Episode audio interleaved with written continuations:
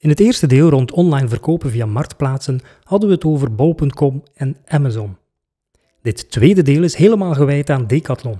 Met hun platformstrategie heeft deze retailer zichzelf heruitgevonden. Een bijzonder verhaal met een stevige Belgische verdienste.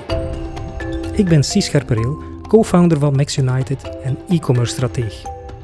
Blij dat je luistert naar deze aflevering van de e-commerce podcast. Ik praat straks met Pieter van de Wielen van PR Sports. Hij ging als jonge ondernemer in zee met Decathlon en dat bleek een geschenk uit de hemel. Zijn producten hebben iets met Portugal en met yoga te maken. Ik heb eigenlijk geen seconde getwijfeld. Het zou ook heel arrogant geweest zijn om te zeggen van beste Decathlon, bedankt voor het aanbod, maar ik zal het wel zelf uh, doen. Mijn gast voor deze aflevering is Wim Mathieuus. Hij zit mee aan het stuur van die ambitieuze platformstrategie van Decathlon. En die gaat snel. Die internationale schaal, ik had nooit verwacht dat dat zo snel kon gaan.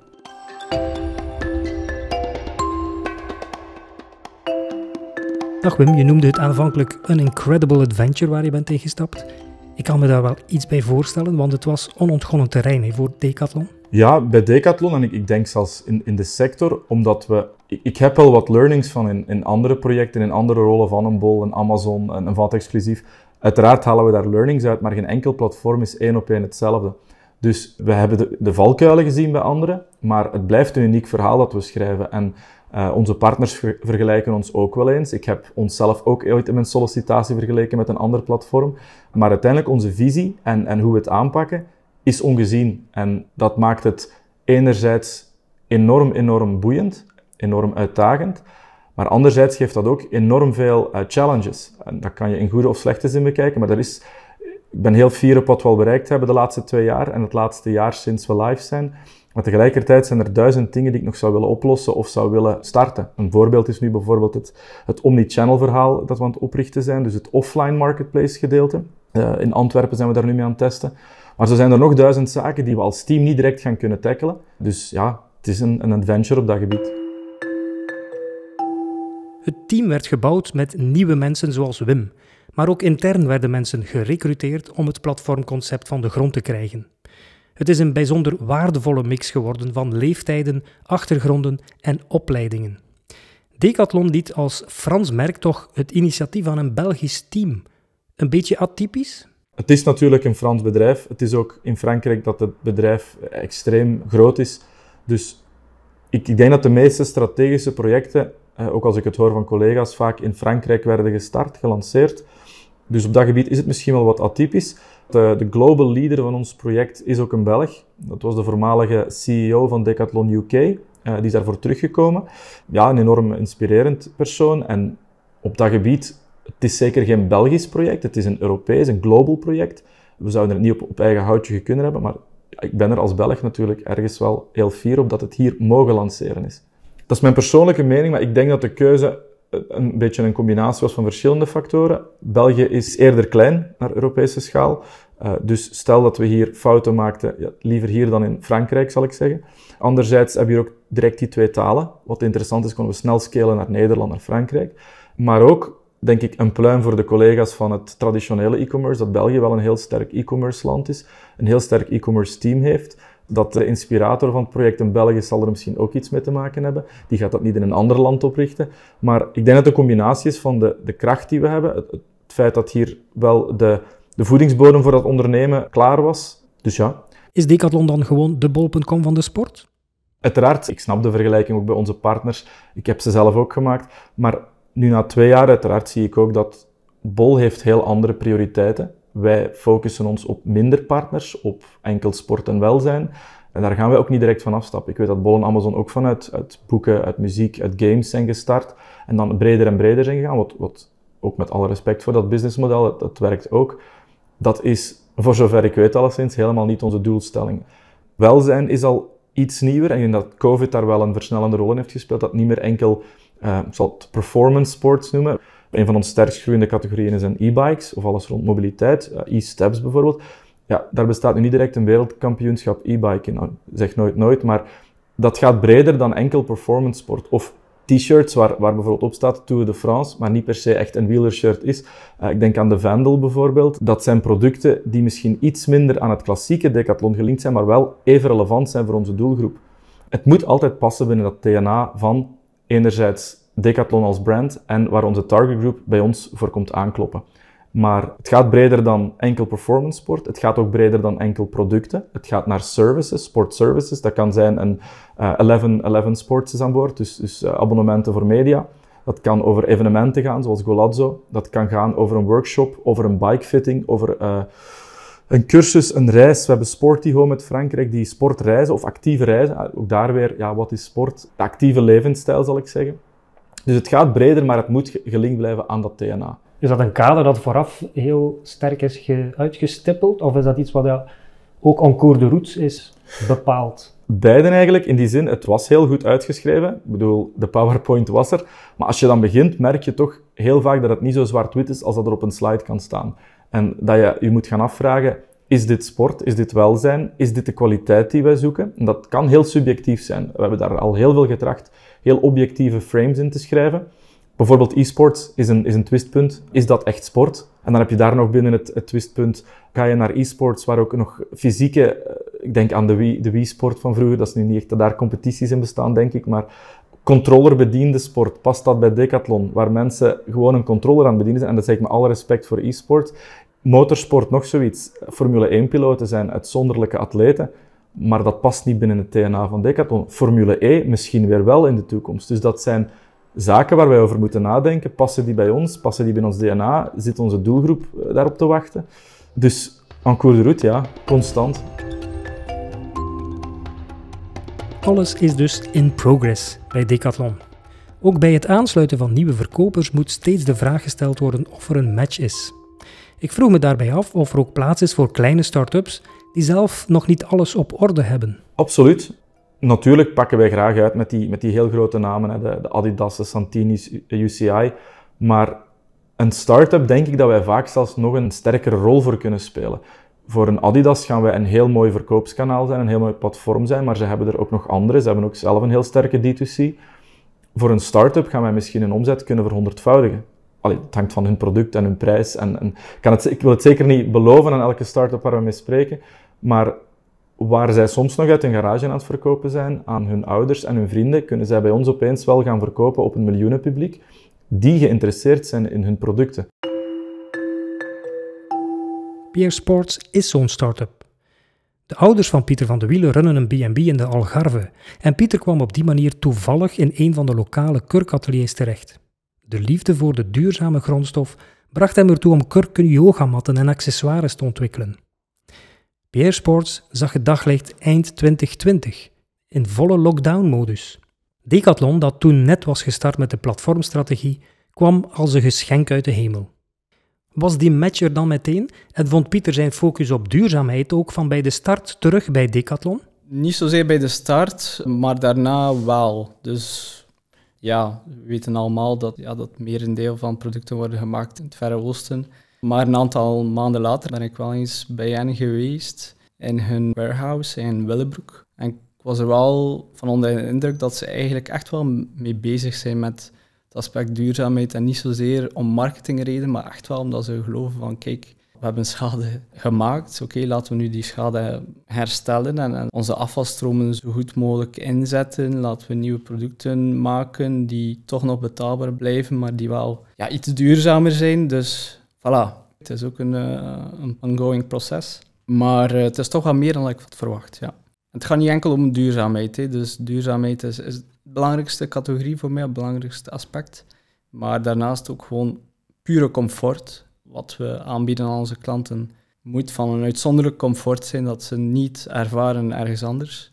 We zijn gestart inderdaad vanuit het kurkverhaal, maar we evolueren nu echt wel naar, naar andere materiaal. Gewoon ook omdat niet iedereen is natuurlijk ook fan van kurk. Dus, maar blijven altijd binnen die uh, ecologische, natuurlijke of recycled materiaal. Dus bijvoorbeeld nu met gerecycleerd plastic zijn we van die langwerpige kussens aan het maken.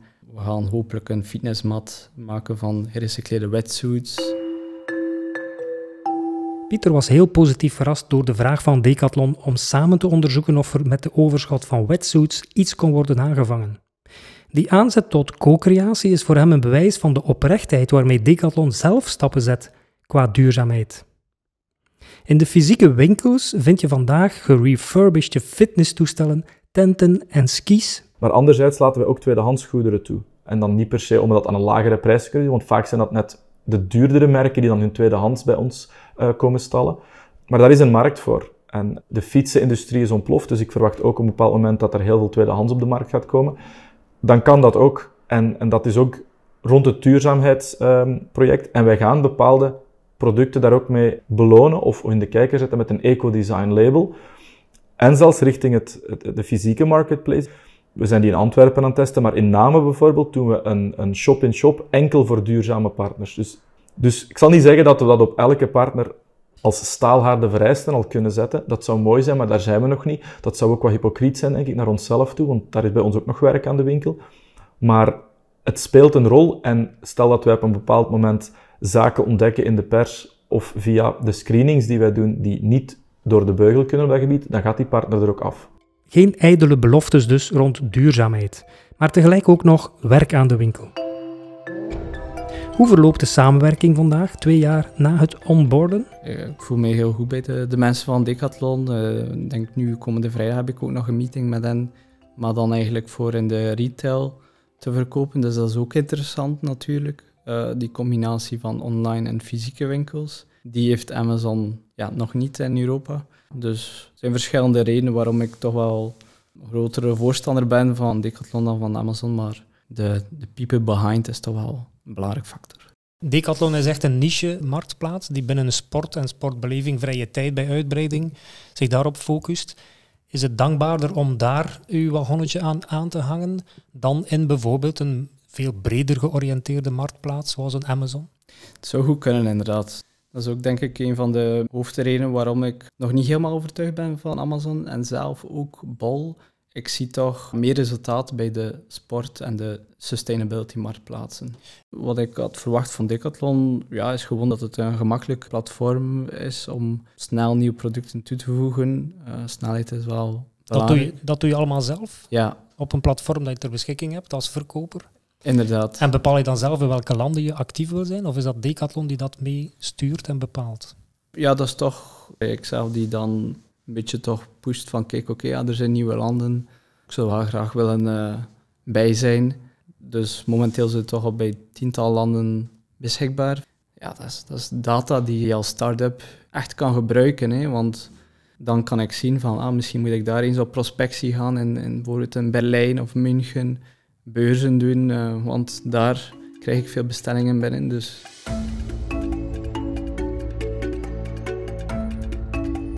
Het is heel sympathiek van Decathlon om actief samen te werken met kleine en jonge merken en producenten. Maar dat soort start-ups heeft het logistiek vaak nog niet helemaal op orde. Ontzorgt Decathlon die verkooppartners op dat vlak? Het is iets waar we vaak worden vergeleken ook met, de, met de grote platformen die dat al jaren aanbieden en waar het dan echt een gestroomlijnde machine is.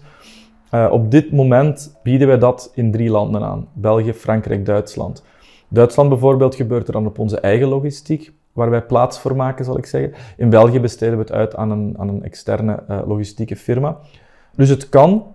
Het is zeker nog niet in elk land aan de orde en we zijn terwijl ook bezig met een gecentraliseerde Europese solution.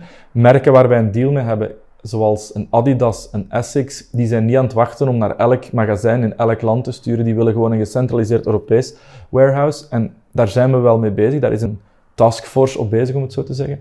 Dat zou fantastisch zijn. Maar de meeste van onze partners op dit moment doen het zelf. Ofwel met een eigen logistiek, of met een externe fulfillment partner, waar wij dan ook verder niks mee te zien hebben. Of merken gebruiken een eh, distributeur of reseller. Dus het kan zelfs een kleine fietsenwinkel zijn die dan een, een mooi aanmerk verkoopt, daarvan het hoofdkwartier in Amerika of in Italië zit, dan gaan zij gewoon zeggen, ja, dit is onze preferred reseller, partner met hen, laat hen het contract tekenen en zij zullen onze merken wel voor ons verkopen. Dus er zijn eigenlijk verschillende routes to market, afhankelijk van waar het hoofdkwartier zit, wat de logistieke maturiteit is, of zij gewend zijn aan D2C of B2C, of dat zij enkel, eh, bij wijze van spreken, per camion kunnen leveren. Ja, dat gaat in ons geval dan niet. Er zijn natuurlijk bepaalde spelregels en, en ik vind het altijd heel erg als ik een partner moet teleurstellen of ergens een, dat er ergens een struikelblok is waar we niet overheen kunnen. Dus, Zoals? Uh, ja, dat... Het is nu eentje wat nu wel opgelost is, maar de vertalingen bijvoorbeeld, dat was lang een puntje. Elke website van Decathlon is gelokaliseerd. Dus dat wil zeggen, we hebben niet één Engelse website. In, in, in UK en Amerika is die in het Engels, alle andere landen in de talen van het land. Dus België, uh, Frans en Nederlands. Nu hebben we een ge geautomatiseerde uh, tool erin. DeepL is geïntegreerd in ons platform. Nu, ik, ondanks dat dat een heel sterke tool is, dat blijft een tool. Dat is geen menselijke vertaling. En aanvankelijk konden we dat niet aanbieden. Dus dan was eigenlijk de optie Ofwel laat je het door ons vertalen, en daar stond een, een, kostprijs tegenover, of je liet het door een freelancer of door een agency doen, maar ook dan, die kost loopt enorm op. Ik herinner me een heel mooie wintersportpartner uit Frankrijk, die enkel een content in het Frans had. In Frankrijk was de marketplace toen nog niet live, bij ons wel, maar ze hadden geen Nederlands. Dan hebben we helaas net voor het wintersportseizoen moeten zeggen, we kunnen niet verder, want ja, daar was op dat moment geen oplossing voor. Even pauze bij Pieter die inmiddels in meer dan 10 landen verkoopt. Verzorg je de vertalingen zelf? Ja, inderdaad. Ik denk dat het volgende land Hongarije gaat zijn. Dus ik zal zien eh, welke Hongaarse vrienden ik eh, in mijn netwerk heb. Van. Je hebt al een uh, vriendin of een nicht, dacht ik, die bij Google werkt. En de webbouwer is een Portugees, Portugese dus, vriend. Voilà. Mijn vriendin is Franstalig, dus het Frans is ook al in orde. En, ja, die van de vriendengroep wat uit te breiden. Ja, ja, ja het is dat. Mijn freelance productontwikkeling, zij zijn Spaanstalig. Dus voilà, dat is ook al check. De diensten worden wel aangeboden, maar de ondernemer is vrij te kiezen hoe die zaken worden opgelost. Ook hier een contrast toch met andere platformen. Decathlon doet dit niet zomaar. In de meeste gevallen eigenlijk die menselijke aanpak of, of het luisteren naar, dat is wel cruciaal. En ook van die partners gaan leren. Dat zal altijd cruciaal blijven. Wij willen niet dat een partner een nummertje wordt. We worden geen supermarkt. Ook niet iedereen is welkom. Dus wij gaan er altijd kwaliteit voor kwantiteit kiezen. Dat wil ook zeggen dat elke partner een persoonlijke accountmanager heeft. Een persoonlijk aanspreekpunt. Niet met een robot moet spreken. Niet op een wachtlijst terechtkomt bij een klantenservice. Dus je spreekt ofwel met, met mij dan als, als commercieel ingangspunt, zal ik zeggen. En daarnaast met een onboarder slash accountmanager, die meer de day-to-day, -day, het operationele gaat opvolgen. En die menselijke relatie, dat is cruciaal in ons DNA. Daar willen we heel streng in blijven dat we dat niet verliezen, hoe groot we ook worden. Decathlon doet dus best wel wat inspanningen om de ondernemer te helpen met operationele zaken, zoals de vertalingen en logistieke diensten, maar kan natuurlijk de hele business niet in handen nemen. Even kijken hoe Pieter dit voor PR Sports opvangt. Je bent zelf wel de eigenaar van het merk, de, de producent. Dus je zit eigenlijk van boven in die piramide. Is de drang om content te leveren, om goede foto's, goede textuele omschrijvingen te maken, is die groter dan gedacht? Is dat, is dat een, een workload die je misschien onderschat hebt? Dat is gigantisch. Ja, ik, ik heb geen uh, marketingachtergrond, maar nu zie ik toch wel in de realiteit van een start-up anno 2022 dat het echt wel heel veel gaat om branding en visueel je merk naar voren brengen. Ik ben nu ook bezig met wel video's opnemen in Portugal, ook in Bulgarije, waar onze producten worden gemaakt. Ja, een beetje storytelling eigenlijk. Hè. Dat is allemaal leuk en zo, maar... Iemand tijd, moet het doen. Iemand moet het doen en iemand moet het betalen ook, ja. Content en storytelling. Video, fotografie en copywriting bepalen de merkidentiteit. Ook het logo dat bij Pierre Sports heel opvallend op het product is aangebracht. Die merknaam van de verkoper zien we op bol.com of Amazon, maar heel subtiel op de productpagina verschijnen. Haast onzichtbaar. Bij Decathlon is dat helemaal anders en zien we het logo van de verkoper zelfs prominent in beeld. klopt, ik denk dat dat ook ehm, de strategie is van Decathlon om eigenlijk echt duidelijk te maken, maar kijk, dit is geen huismerk bijvoorbeeld. Heb je daar bij de aanvang van de samenwerking op gewezen op bepaalde zaken? Hoe je dingen moest aanpakken of beter zou kunnen aanpakken? Ik bedoel logistiek, ik bedoel naar content toe, naar producten misschien zelfs? Ja, logistiek niet. Ze hebben wel voorgesteld van kijk, je kan eigenlijk verzenden via onze service, maar ik heb daar vriendelijk voor bedankt, omdat ik dacht van ik heb mijn eigen uh, logistieke partner en dat gaat wel, dat is oké. Qua producten ook niet, maar wel qua content. Dus krijg ik wel nu bijvoorbeeld uh, Decathlon Nederland wel feedback van dat kan beter, ik zou dat weglaten. Dus. Is dat een betalende dienst bij Decathlon? Ja, dat is een abonnement denk ik, van 40 euro per maand. En dan natuurlijk een commissie die ze op elke transactie nemen. Oké, we hadden het tot nu toe over het DNA van Decathlon, de rol van duurzaamheid en de operationele hulp die verkooppartners kunnen inroepen. Maar Decathlon zelf heeft intern een behoorlijke metamorfose doorgemaakt. Wim stond aan de wieg en kan het best de evolutie omschrijven. Wat was de grootste uitdaging die werd aangepakt? Het is misschien iets, iets minder concreet, maar de mindset vind ik heel sterk verbeterd. Intern en extern. Ehm, intern, wat wil ik daarmee zeggen? Ja, ik ben vrij nieuw, of ik ben eigenlijk gestart met dit project. Dus ik had dan misschien iets minder het oude Decathlon mee. En het, het project is heel disruptief. Hè. Wij, daar heb ik ook soms gehoord, uh, als het niet kapot is, moet het niet gemaakt worden. Um, Decathlon is succesvol, was al succesvol. Waarom moet daar nog iets worden aan gedaan? Dat heb ik wel eens of regelmatig intern gehoord. Daarnaast intern, Decathlon werkt normaal redelijk land per land. Ik denk de meeste bedrijven, ze hebben een, een business unit, een PNL per land. Marketplace is redelijk internationaal en gaat vaak ook de grenzen overgaan.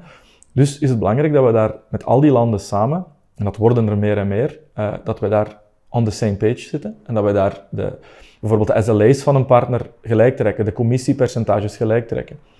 Dat klinkt vrij simpel, maar dat is het niet altijd, want als één land zegt nee, ik, ik, ga, ik ga België niet volgen, jullie zijn trouwens ook maar een klein land bijvoorbeeld, ja, wat, wat dan te doen? We zijn sowieso ook een heel platte uh, hiërarchie, een heel platte structuur, dus het is niet zo dat dan er een of andere grote baas op staat en zegt we gaan het zo doen en niet anders.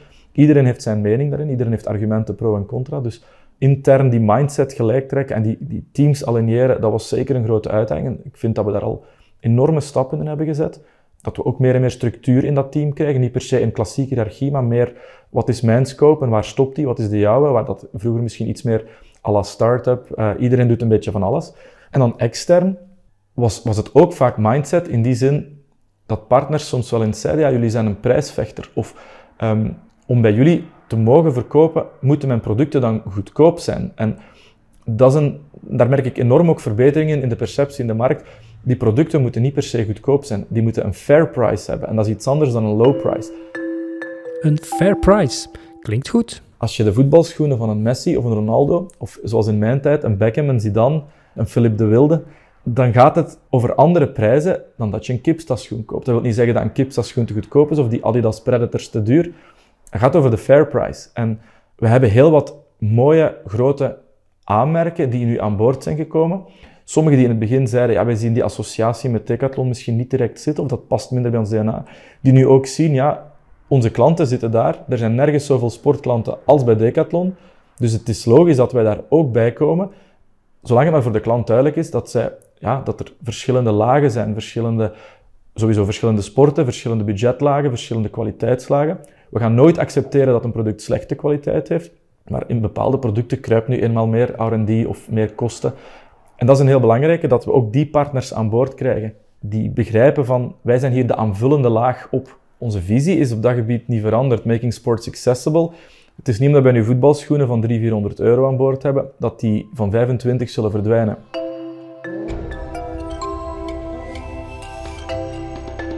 Het productaanbod in de breedte uitbouwen in een balans tussen eigen merken, externe merken en partners. Dat is de doelstelling achter de platformstrategie van Decathlon. Door een bewuste selectie in de verkooppartners is er eigenlijk geen sprake van een prijzenoorlog. Dat is sowieso anders bij een open marktplaats als Amazon natuurlijk. Als ik daar kurken yogamatten zoek, dan krijg ik meer dan 2000 resultaten. De prijzen gaan tot een derde van wat Pieter hanteert. Ik verwacht natuurlijk dat de matten van Peer Sports een pak kwalitatiever zijn, maar in de context van een marktplaats speelt prijs toch altijd een veel sterkere rol. Hoe gaat Pieter daarmee om? Ja, dat, dat is ergens wel jammer, want online zie je niet van oké, wat gebeurt er daar achter de schermen, hoe wordt het gemaakt. Merendeel van die producten worden natuurlijk gemaakt in China met geen echte kurk. Vandaar dus eigenlijk die lage prijs. Comfort is ook anders, omdat je niet hetzelfde gevoel hebt. Het is ook veel zwaarder.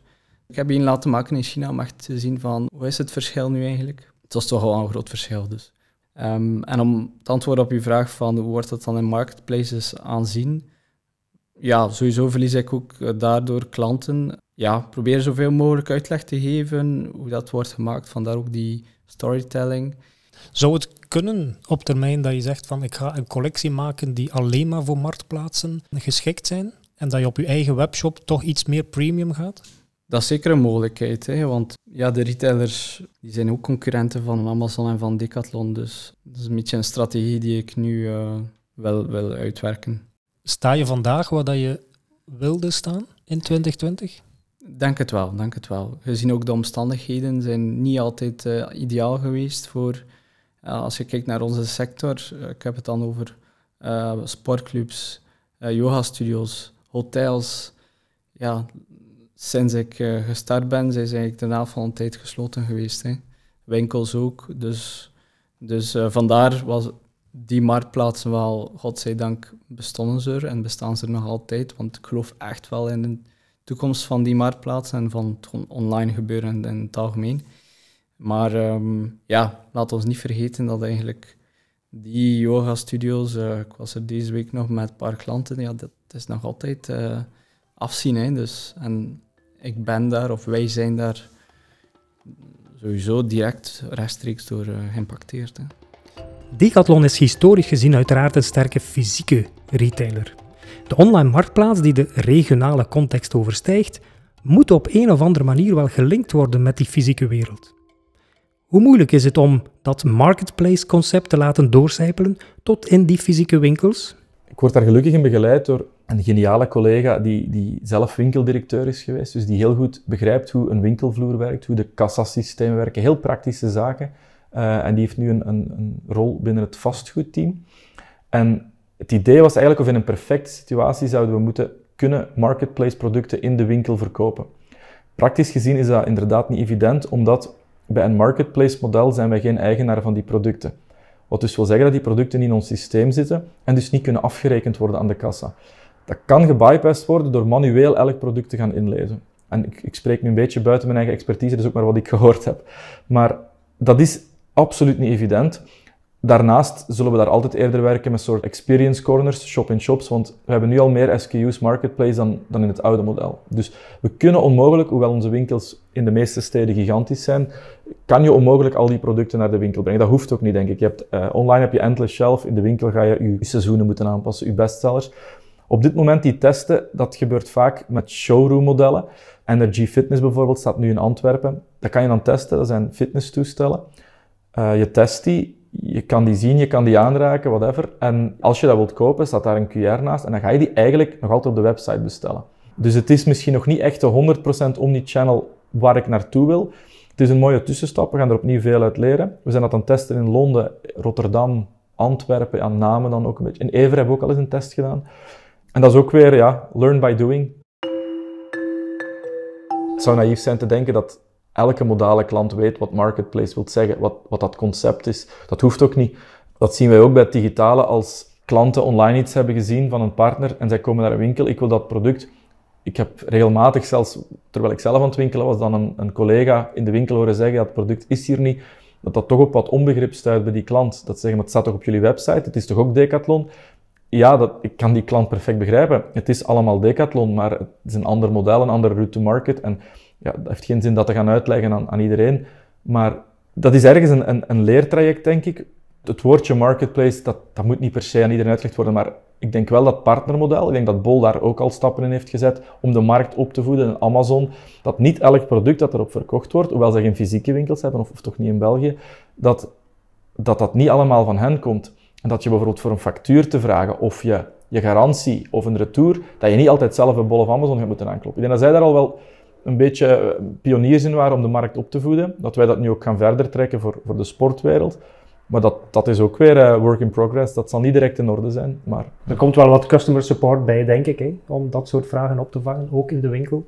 Ja, ik ben al in een paar winkels gaan presenteren rond wat Marketplace is. En dat was soms met een klein hartje, want ik begrijp dat wij hen soms met heel wat gedoe hebben opgescheept. Hè.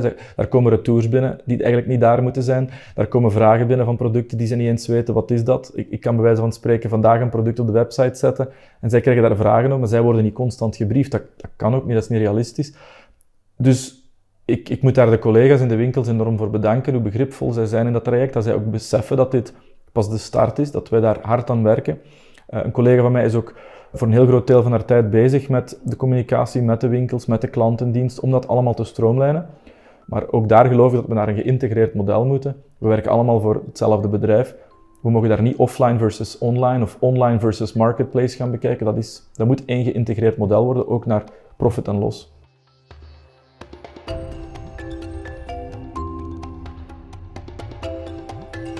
Decathlon bouwt gestaag aan de verbetering van elk aspect.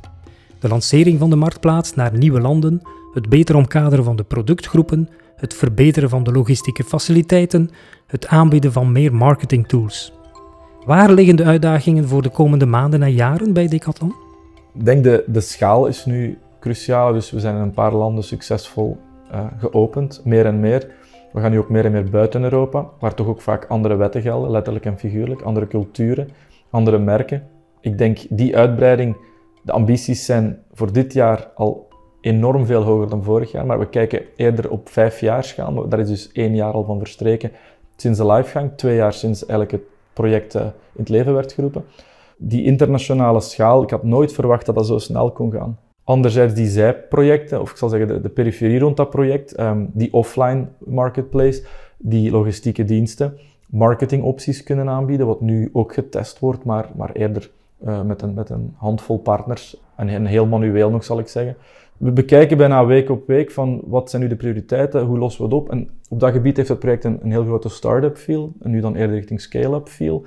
Ondanks dat we onder de, de vleugels van dat grote decathlon zitten, maar dat maakt het project ook zo boeiend. Wij sturen het project de richting uit waar wij denken dat het moet zijn. Wij worden daarop gechallenged door collega's, door klanten, door partners. Die, die helpen ons daar ook enorm mee, want die verkopen vaak op verschillende marketplaces. Ook platformen die helemaal geen sportspecialisatie hebben. En dan zeggen zij ons ook, als jullie dit misschien doen, dat zou beter zijn. Of daar was het slecht op dat gebied, dit doen jullie beter. En dat is wel fijn om te horen. En ook, ook de zaken die we slecht doen, dat is ook fijn om te horen. Dan, dan leren we weer bij. Ik, ik denk, als, als, als, niemand zich meer zou ergeren aan bepaalde zaken in het project, dan is de passie ook weg. Dus ik denk dat het belangrijk is dat we ook allemaal ons net blijven ergeren aan bepaalde zaken, omdat we dan ook weten dat we ermee bezig zijn. Zich ergeren is een goed teken. Dat is een positieve blik op de feiten. Wat een mooi verhaal schrijven ze toch bij Decathlon. Alles is work in progress en die progress komt voor de perfectie. Ik ga nog even terug naar de start-up Pierre Sports, benieuwd naar het onderdeel van de business waar Pieter zelf het meest van geniet. Ik denk het totaal concept. Hè. Iedere dag is anders. Uh, deze ochtend was ik bij uh, klanten yoga studios, nu ben ik hier. Zoals ik zei, veel internationaal, dat is ook heel leuk.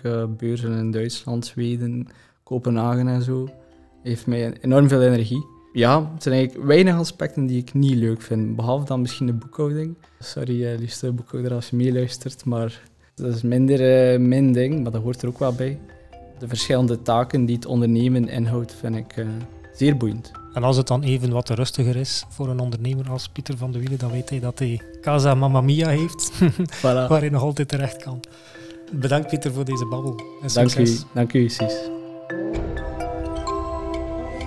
En ook een dikke merci aan Wim Mathieuus, uiteraard, voor de open en eerlijke blik achter de schermen van Decathlon als een nieuwe vaste waarde onder de marktplaatsen. Ik wil zeker ook Bpost en Molly bedanken. Zij maken de e-commerce podcast mee mogelijk. En ook jij, luisteraar, om deze aflevering mee te volgen tot hier. Abonneer je op de e-commerce podcast, deel de link gretig met collega's en vrienden, want het delen van dergelijke inzichten is mijn missie. Wil je advies voor jouw e-commerce project? Dat is mijn job. Kijk even op maxunited.be en maak gerust een afspraak.